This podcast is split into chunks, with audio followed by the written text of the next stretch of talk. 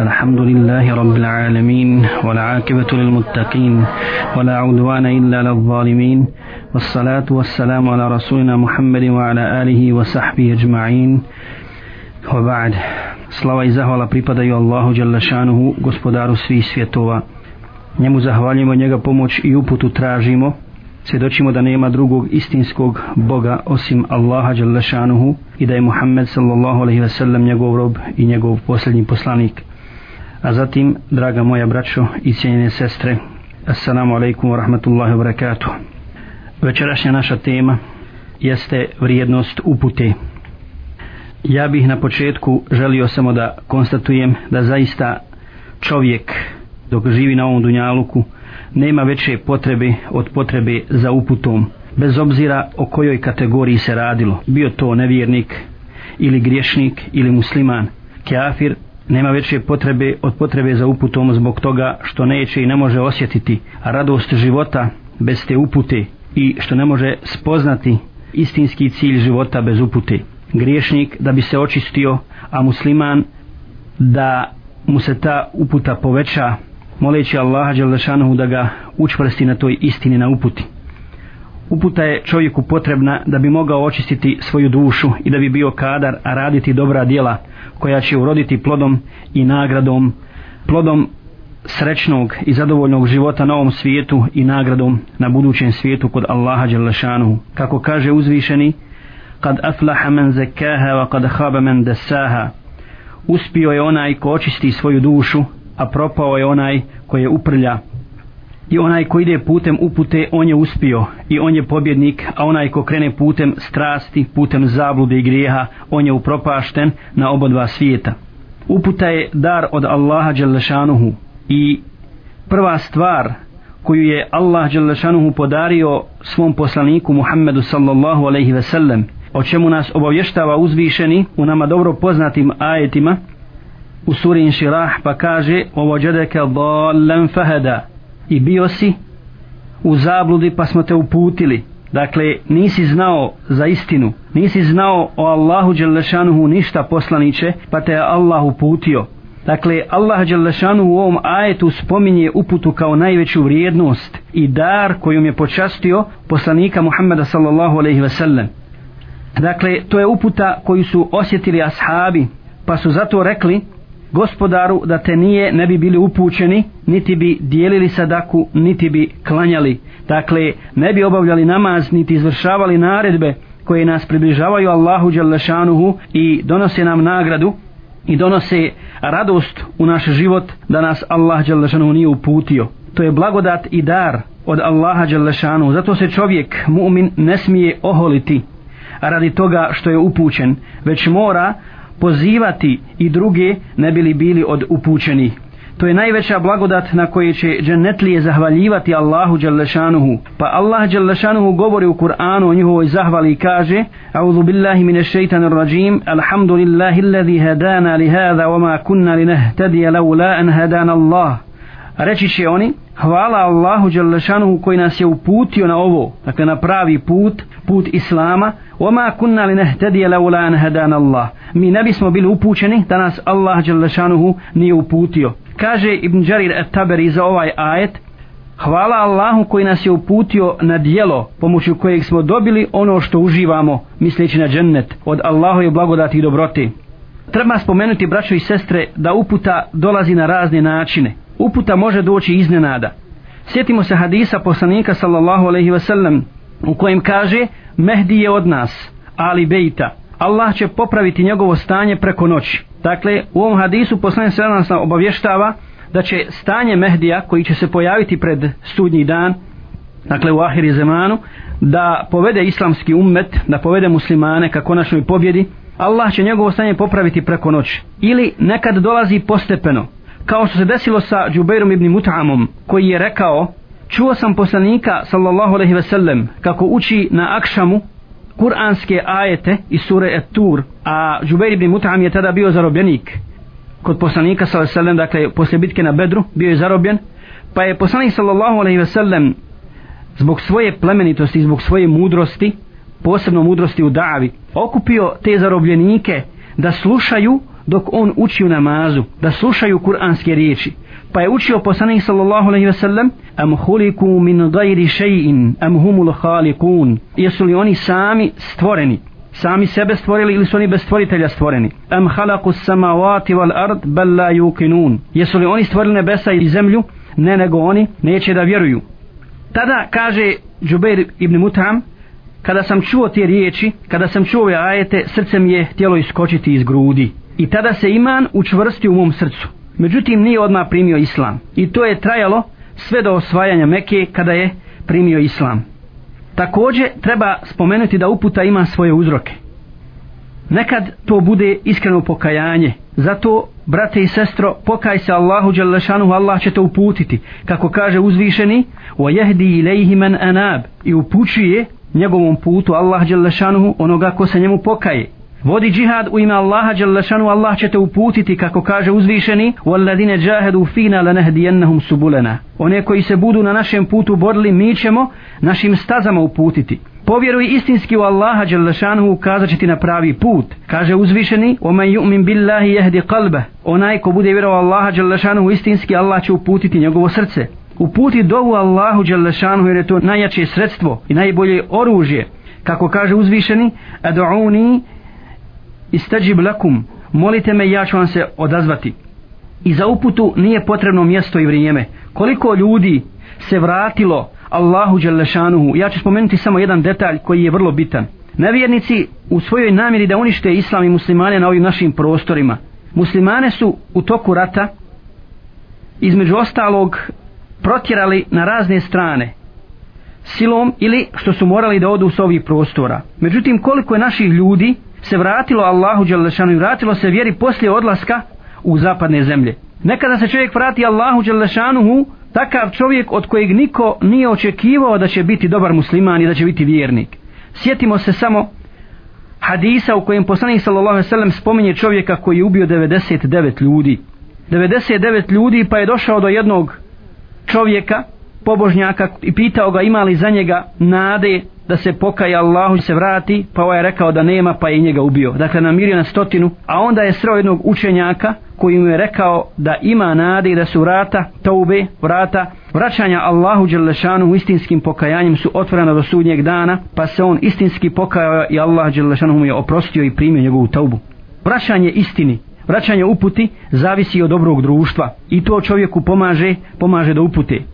A neki ljudi se vrate nakon što čuju samo predavanje ili hutbu. Neki opet nakon nekog musibeta ili iskušenja od Allaha Đelešanu Dunjaluku kao što je bolest. Neki opet nakon odlaska na hađ.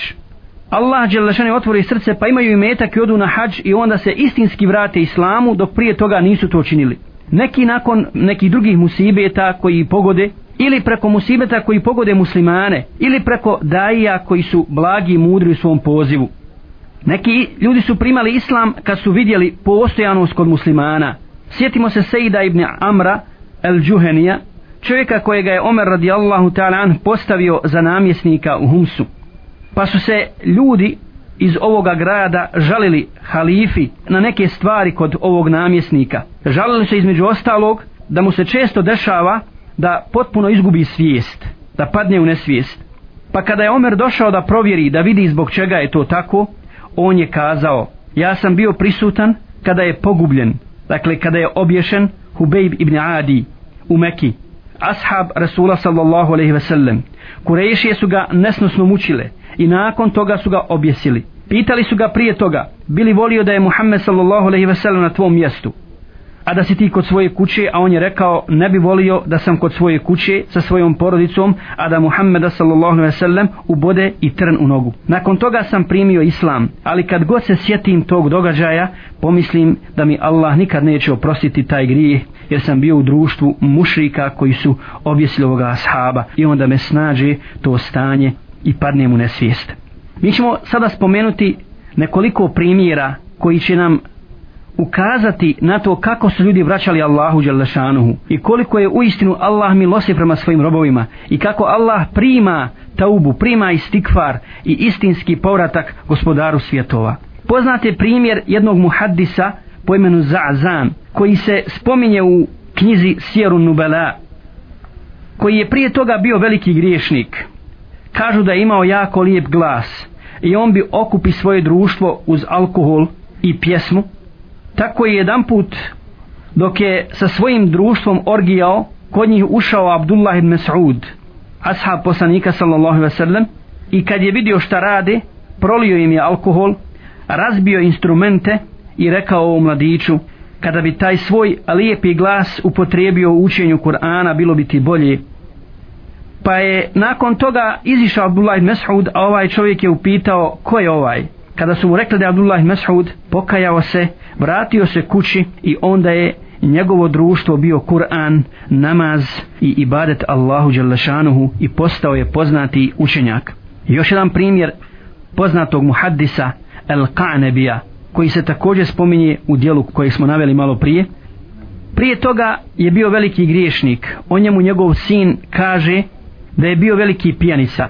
Jednog dana je sjedio pred svojom kućom u Basri i čekajući svoje društvo u crvenom ogrtaču namjerno je obukao crveni svileni ogrtač iz oholosti dok je tako sjedio i čekao svoje prijatelje ili jarane kako mi to volimo kazati naišao je poznati muhaddis šube. I ljudi su se počeli okupljati oko njega. Pa je ovaj čovjek upitao ko je on? Ko je ovaj oko koga se ljudi okupljaju? Pa su mu rekli to je šube. A on je onda upitao ko je šube? Ko je taj? Jer griješnici ne poznaju imena učenjaka. Oni poznaju neka druga imena. Dakle za njih su oni strani. Pa mu je prišao i na najgrubi način mu rekao pričaj mi hadise. Prenesi mi nekoliko hadisa. A onda mu je ovaj rekao jesi li ti mu hadis jel se baviš proučavanjem hadisa? Kaže šta te briga za mnom? Nego pričaj mi ili ću te raniti i izvadio je nož zapretiš mu da će ga povrijediti ako mu ne bude pričao hadis dakle želio da ga ponizi da ga ismije pred narodom pa je onda ovaj mudri čovjek šobe citirao hadis rekavši haddathana Mansur an Rabi' an Ibn Mas'ud قال قال رسول الله صلى الله عليه وسلم إذا لم تستحي فاصنع ما شئت prenosi se od Mansura, a on od Rebija, a on od Abdullah Mas'uda da je rekao, rekao je Allahu poslanik sallallahu alaihi ve sellem, ako se ne budeš stidio, radi šta god hoćeš. Dakle, pogledajte kako je Šube našao hadis s kojim će pogoditi ovoga čovjeka, u mladića. I onda je on postiđen, ostavio svoj nož, ušao je u kuću, prosuo je alkohol i rekao je svojoj majici, kada dođe društvo, počasti i daj im da jedu i reci im da ja više nisam onaj stari i otišao je u Medinu kod Malika ibn Enesa, poznatog islamskog učenjaka, pred kojim je učio hadis poslanika sallallahu alejhi ve sellem i vratio se nakon nekoliko godina kao veliki alim, kao muhaddis u Basru, a Šobe je umro i on ga je naslijedio, naslijedio kao muhaddis, a od njega je naučio samo jedan hadis. Dakle, to je primjer istinskog vraćanja Allahu Đelešanu. Čak kod onih koji su ogrezli u grijehu, koji su najveći griješnici, ne smijemo za njih kazati da nema nade, za niti oni smiju to sami pomisliti, kako ćemo kasnije spomenuti u drugom dijelu predavanja kad budemo govorili o taubi i o tome da su vrata taubi otvorena do sudnjega dana. Spomenut ćemo još u ovom prvom dijelu slučaj Fubajla ibn Iyada, također poznatog islamskog učenjaka, i to imama dvaju harema, imama Mekke i Medine, bio je poznat kao kriminalac i kao lopov prije toga u svojoj mladosti jedan put je naišao pored jedne kuće u kojoj je čovjek učio Kur'an i učio kur'anski ajet أعوذ بالله من الشيطان الرجيم ألم يأن للذين آمنوا أن تخشع قلوبهم لذكر الله وما نزل من الحق Zar nije vrijeme da se vjernicima srca smekšaju zbog Allahovog govora kad se dakle Allahu ime spomene i zbog onoga što Allah objavljuje od istine pa je on u tom trenutku uzviknuo Bela ja rab svakako svakako da je vrijeme. I onda je naišao pored skupine ljudi a pošao je kući. Pokajao se već bio naišao je pored musafira koji su međusobno razgovarali dakle ljudi koji su putovali zbog trgovine. I međusobno su razgovarali da li da nastave svoje putovanje ili da ostanu na tom mjestu da spavaju pa da ujutro rano krenu. Pa jedan od njih rekao ja predlažem da idemo jer ako ostanemo može doći Fudail ibn Iyad i sve nam pokrasti i sve odnijeti što imamo on je to čuo, otišao je kući okupao se i onda otišao u mesčid klanjao i dugo plakao zbog svoga grijeha, pokajao se Allahu Đelešanuhu i nakon toga se posvetio istinskoj nauci i postao poznati islamski učenjak.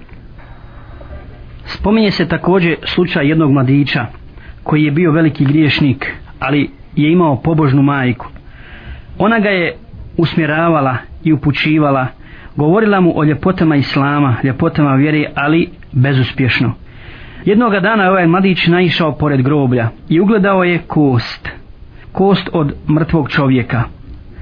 Uzeo je ovu kost i smrvio je i onda rekao sam sebi ti ćeš čovječe sutra postati ovako nešto. I to ga je pogodilo i rastužilo, vratio se kući i pokajao se i stalno je ibadetio. Čak ga je majka nakon toga upozoravala i govorila mu nemoj toliko da pretjeruješ, malo se odmori, a on bi nakon toga govorio ja se upravo u namazu, odnosno u ibadetu odmaram. Nakon izvjesnog vremena ovaj mladić je umro i spominje se u predaji da je njegova dženaza bila najveća dženaza u tom mjestu. Dakle, kad se istinski pokajao i vratio, Allah mu je podario, podario ugled. U jednoj predaji stoji da je jedna žena koja je bila mlada i lijepa, poznata po svojoj ljepoti u svom narodu, da se opkladila sa svojim mužem, da će zavesti Rabija ibn Huzeimu, poznatog učenika Abdullah ibn Mas'uda. I muž je dozvolio, ona je otišla kod njega i sjela, a on je bio poznat po svojoj pobožnosti, po svojoj učenosti i zbog toga se ona kladila sa svojim mužem da će ga ipak i pored toga uspjet zavesti.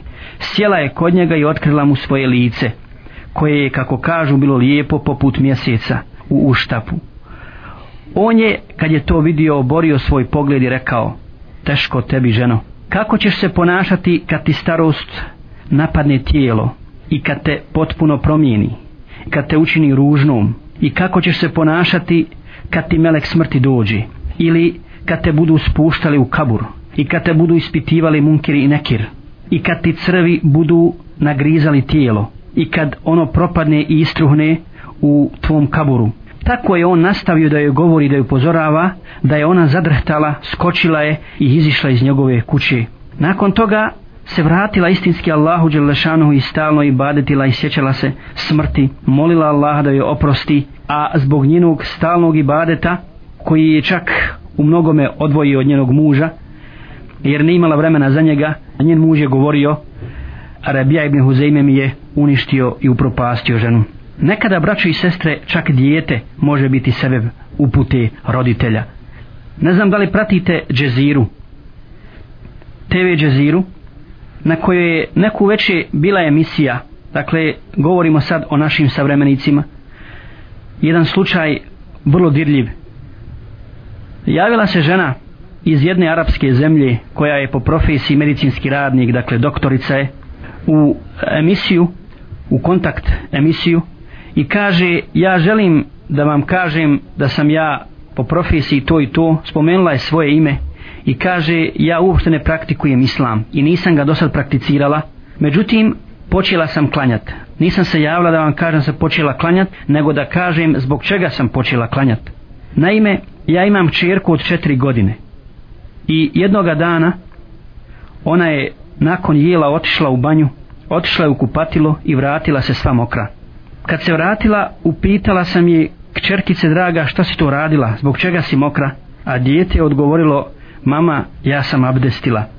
Pa što si abdestila upitala sam je. Kaže želim da klanjam i da molim Allaha za našu braću i sestre u Palestini kojima židovi nanose toliki, toliki zločin.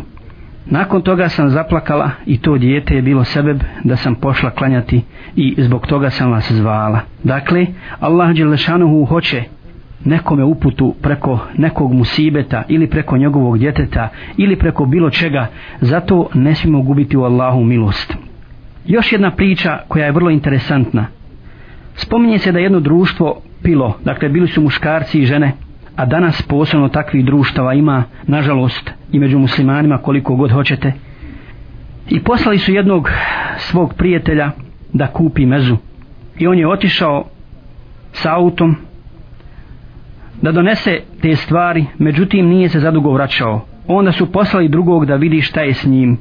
Ovaj drugi je krenuo i na određenom mjestu je vidio da se ljudi okupili oko njegovog auta, oko auta onoga koji je bio otišao po hranu i po mezu.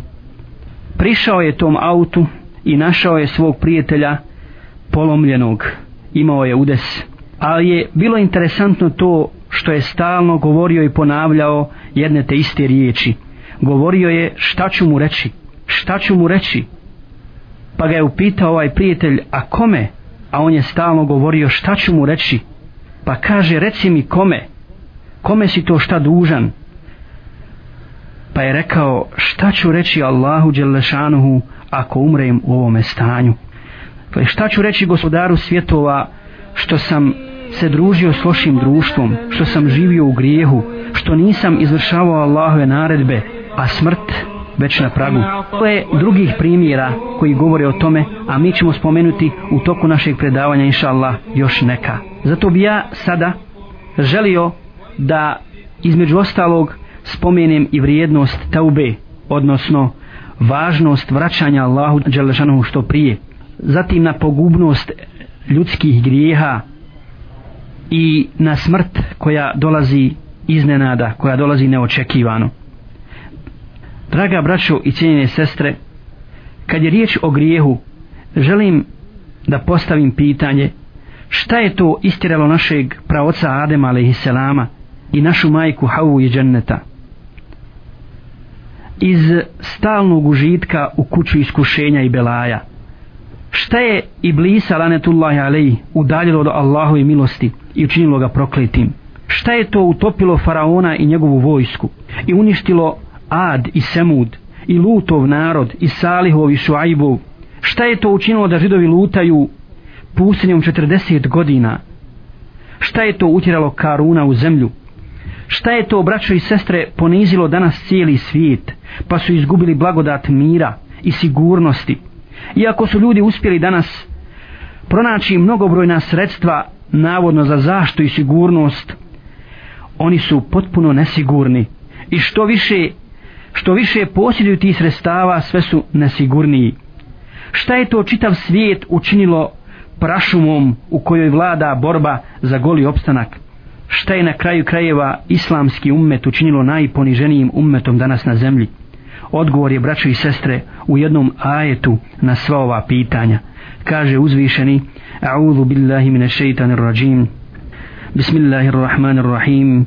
ومن أعرض عن ذكري فإن له معيشة ضنكا ونحشره يوم القيامة أعمى onaj ko okrene glavu od knjige moje taj će teškim životom živjeti i mi ćemo ga na sudnjem danu slijepim proživjeti kala rabbi lima hašartani a'ma wa kad kuntu basira reći će gospodaru zašto si me proživio slijepa imao sam vid kala kadhalike etetke ajatuna fanasitaha wa kadhalike li jevme tunsa tako je to jer ti si naše ajete koji su ti dolazili poricao i zaboravljao zato si danas zaboravljen.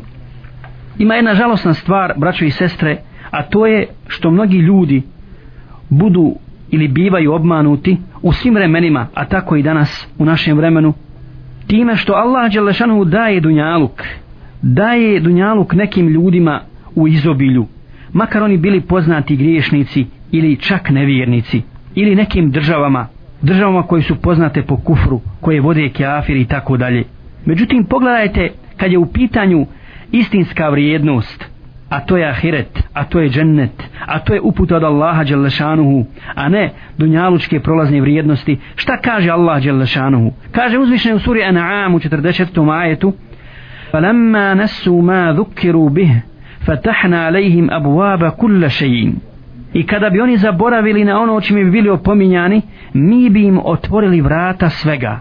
Hatta idha farihu bima utu ahadnahum bagtetan fa idha hum mublisun. Tako, kada bi se oni pošli veselit tome što smo im dali, mi bismo ih kaznili iznenada i oni bi oni bi ostali bez ičega, ostali bi u očaju, u očaju i tuzi. Dakle, to je Allahov zakon. Možda bi čovjek očekivao da Allah objavi, mi bi im poslali kaznu sa svih strana. Dakle, kad čovjek oda grijehu, kad se oda porocima, očekuje kaznu Allah ne, Allah kaže mi im tada otvorimo vrata svega brata svega na dunjaluku. I kada potpuno zaborave na istinu i odaju se onome što posjeduju onda im Allah to oduzme i onda ih kažnjava i oni ostaju razočarani bez dunjaluka a čeka ih kazna, kazna na ahiretu. Zato brate i sestro ako si u blagodati zahvaljuj Allahu Đalešanuhu i budi mu pokoran jer je u pokornosti svjetlo za lice i srce. Pokornost donosi ljubav robova i obilnu na faku.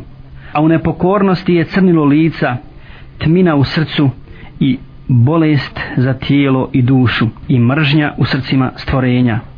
U jednom hadisu kojega bilježe ibn Mađe i Hakim od Abdullah ibn Omera poslanik sallallahu sallam kaže nije se pojavio razvrat ni u jednom narodu i oni to javno činili a da ih Allah nije kaznio bolešću koja nije bila poznata prije njih. I jesu li prijašnji narodi znali za današnje bolesti poput side, poput raka za koje nema lijeka i od kojih oboljevaju mase ljudi mase ljudi zbog poroka i zbog grijeha koje čini. Zatim, kada je poslanik sallallahu alejhi ve sellem, neće narod zakidati na vagi kantaru, a da ih Allah ne kazni gladnim godinama i nepravednim vladarima. Sami prokomentarišite sebi ovaj hadis. Allah Đalešanuhu u ovome ajetu kojeg smo prije citirali spominje izraz dank. Dakle, tjeskobu. I zaista kada bi se svi retoričari svi književnici i pjesnici, svi govornici sakupili da nešto slično kažu, ne bi mogli to izraziti. Dakle, tu je skobu i u opskrbi, i u prsima, i u duši, u ponašanju, u cjelokupnom životu osjeća onaj ko griješi prema Allahu Đelešanu i ko ne živi po uputi od Allaha. I kaže poslanik sallallahu alaihi ve sellem i neće prestati ljudi davati od svoga imetka, a da im Allah ne uskrati kišu, i da nije životinja ne bi im Allah spustio kišu. Sjetimo se hadisa, odnosno predaje od Sulejmanu a.s. koji je jednog dana pošao sa svojom vojskom da upućuju dovu jer je bila velika suša da uputi Allahu dovu za kišu i došao je do mravlje doline i vidio je mrava okrenut na leđa kako moli Allaha Đelešanuhu govoreći gospodaru mi smo tvoja stvorenja i ne kažnjavaj nas zbog grijeha ljudi i Allah je uslišao njegovu dovu i spustio kišu. Pa se Sulejman a.s. vratio u narod rekavši pokajte se Allahu istinski Allah vas je napojio dovom drugih stvorenja a ne vašom dovom. Zatim koliko danas ima ljudi koji su dužni davati zekat a ne daju ga ili koliko ima ljudi koji čiste svoj metak i nisu spremni da to izdvoje a Allah od njih ne traži puno a Allahu to nije potrebno to je samo za njihovo dobro. A pogledajte, braćo i sestre, kad su u pitanju drugi nameti i drugi porezi, koliko su ljudi danas na Dunjaluku izloženi tim porezima i tim dažbinama koje Allah nije propisao i koje ljude slomiše i osiromašiše, ali ne mogu da to ne plaćaju. Pa kaže poslanik sallallahu dalje, neće ljudi prestati suditi po Allahovom zakonu, a da ih Allah ne kazni međusobnim sukobima i da ne osjete silu jedni drugi. Dakle, to su braćo i sestre grijesi. To su posljedice grijeha i to je žetva gorkih plodova grijeha. Jeste, nema čovjek na zemlji, a da ne griješi, da ne upada u grijeh, bez obzira kom bio. I da nije osjetio gorčinu grijeha. Međutim, ono što je važno spomenuti jeste da se čovjek treba pokajati i vratiti Allahu Đelešanuhu. I kao što je osjetio gorčinu grijeha, da osjeti tako slast taube, slast istinskog pokajanja i vraćanja svome gospodaru. I ne smije se čovjek razočarati bez obzira kakav griješnik bio pa da kaže počinio sam toliko i toliko grijeha i za mene nema spasa, za mene nema izlaza i za mene nema oprosta, ne nikada niti se smije opustiti i kazati moji grijesi su mali u odnosu na ono što čine drugi ljudi. Dakle stalno sjećanje na Allaha Đelešanu i stalna pokornost to je ono što spašava čovjeka. Kad je u pitanju griješenje na koje navodi ljudska duša čovjeka spomenut ćemo vrlo poučan slučaj i primjer Ibrahima ibn Edhema poznatog islamskog učenjaka i pobožnjaka kome je jednoga dana došao jedan čovjek i kaže mu o Ibrahime mene moja duša stalno poziva na grijeh pa šta mi savjetuješ šta da uradim A Ibrahim ibn Edhem mu reče, o čovječe, treba da posjeduješ pet svojstava da ne bi upao u grijeh. Odnosno pet stvari u kojima moraš stalno razmišljati. Pa kaže koje su to stvari? A on mu reče prvo, kada želiš da učiniš grijeh, nemoj da jedeš od Allahove na faki. A ovaj se začudi i reče, pa zar sve što postoji nije od Allaha? A onda mu Ibrahim reče, pa da li si zadovoljan da jedeš od Allahove na faki i da budeš griješnik prema Allahu Đelešanu koji ti daje tu na faku? A on reče, ne vallahi. A šta je drugo? Drugo je, kada hoćeš da učiniš grijeh, otiđi sa Allahove zemlje na mjesto koje nije Allahu posjed da bi griješio prema Allahu. Pogledajte na što ga upući Ibrahim i Zehem. Otiđi dakle na mjesto koje nije njegov posjed, koje nije Allahu posjed. Koliko su uistinu ljudi nezahvalni, koliko su nezahvalni svome tvorcu. I uistinu ne bi griješili u dvorcu ili u posjedu vladara zemaljskog, niti direktora firme, niti nekog šefa. Još ako je imalo pravedan čovjek, trudili bi se da izvršavaju sve što im on naredi i više od toga. I s druge strane čak ako je nepravedan, opet bi se trudili da, da ga slušaju zašto, bojeći se njegove kazne i njegovog zuluma. A pogledajte kako ljudi su spremni da griješe prema Allahu Đelešanu i kako ne misli, ne misli na posljedice svojih grijeha. Pa mu kaže Ibrahim ibn Edhem, pa da li si čovječe zadovoljan da činiš grijeh na Allahovom posjedu? Kaže, nisam Boga mi. Šta je treće? Kaže mu Ibrahim Edhem, treće je kad hoćeš da učiniš grijeh, otiđi na sigurno mjesto gdje te Allah neće vidjeti. Kaže ovaj čovjek, subhanallah, kako ću otići, kako ću otići negdje gdje me Allah ne vidi kad Allah se vidi. Pa mu kaže Ibrahim ibn Edhem, kako te nije stid da griješiš dok te Allah gleda. Kao što je primjer jednog beduina koji je došao ženi u noći pod šator želeći da počini zinaluk a ona ga upozorava želeći ga odvratiti od toga i kaže mu dobro pristajem na to ali prvo provjeri i vidi vidi li nas iko on je izišao iz šatora i razgledao pa se vratio govoreći ne niko nas ne vidi sve spava niko nas ne vidi osim zvijezda a ona reče a gdje je njihov stvoritelj a gdje je stvoritelj zvijezda i onda je ovaj izišao iz šatora postiđen. Kaže ovaj čovjek zatim, a šta je četvrto? Kaže mu Ibrahim ibn Edhem, kada želiš počiniti grijeh i kad ti dođe melek smrti reci mu, neću da umrem dok se ne pokajem. A ovaj čovjek reče, kako subhanallah, ti znaš to da će smrt doći iznenada i da kad dođe melek smrti ne ostavlja nikoga, ni muško, ni žensko, ni staro, ni mlado, kome je došao eđel. A šta je to peto? Kaže, kada želiš učiniti grije i kad te zbog toga zebanije povedu u džehennem na sudnjem danu, nemoj s njima ići. A reci, neću s vama. I čovjek je nakon toga počeo plakati govoreći Estagfirullah ve tubu ilaih. Estagfirullah ve tubu ilaih. Dakle, kajem se i vraćam Allahu Đalešanuhu. I mnogo je u istinu muslimana koji uživaju u Allahovim blagodatima, a i dalje ustrajavaju u grijehu. I ako ju upitaš zašto, kaže mlad sam, ima vremena, pokajaću se i tako dalje. Međutim, pogledajte braćo i sestre, kako su ashabi razmišljali o ovim stvarima. Kaže Abdullah ibn Omer, razumijevajući potpuno suštinu Dunjaluka, njegov smisao, njegovu prolaznost i brzinu njegove prolaznosti, kaže Ida emsejte fala tantaviri sabah, kada omrkneš ne očekuj svanuće.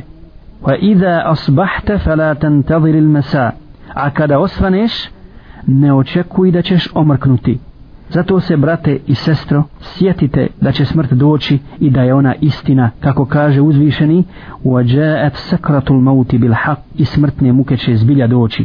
Istina je da ćeš umrijeti a da Allah ne umire da je on vječan. I istina je da ćeš vidjeti meleka milosti ili kazne. I istina je da je tvoj kabr bašća džennetska ili dolina džehennemska. Pogledajte braćo i sestre u čovjeka na smrtnoj postelji bolesnika. Kad se porodica oko njega okupi svi žele da pomognu i svi žele da on ozdravi i da se vrati da bude ponovo s njima a on u teškoj brigi u teškoj nevolji. Međutim Allah želi nešto drugo. Allah želi nešto drugo i Allah na ovo upozorava u suri Al-Waqija pa kaže a'udhu billahi mine šeitanir rajim falawla idha balagatil hulkum wa antum hina idhin tanzurun wa nahnu aqrabu ilayhi minkum walakin la tubsirun فلولا إن كنتم غير مدينين ترجعونها إن كنتم صادقين A zašto vi kad duša do guše dopre i kad vi budete tada gledali, a mi smo bliži od vas, ali vi ne vidite, zašto je onda kad niste u tuđoj vlasti ne povratite ako istinu govorite? Ponovo želim kazati da su vrata taube otvorena do sudnjega dana ili sve dok sunce ne iziđe sa zapada kao jedan od velikih preznaka sudnjeg dana ili dok čovjeku ne dođe smrt dakle kada dođe smrt tada se tauba ne prima. Dotle čovjek može i treba da se pokaje Allahu Đelešanu da se pokaje za svoje grijehe koje je činio i Allah će oprostiti grijehe. Jer znajte da je Allah neovisan od svih svjetova. Ali se raduje taubi vjernika. Dunjaluk je kratak makoliko se činio dugim. I bezvredan je makar sav bio tvoj. Kaže uzvišeni قل يا عبادي الذين أسرفوا على أنفسهم لا تقنطوا من رحمة الله إن الله يغفر الذنوب جميعا O robovi moji koji se se prema sebi ogriješili, ne gubite nadu u Allahu milost, zaista Allah oprašta sve grijehe. Pogledajte kako Allah Đelešanuhu postiče ljude da mu se vrate, da se pokaju, da se pokaju da učine taubu, jer Allah posle iskrene taube briše ono što je bilo prije nje.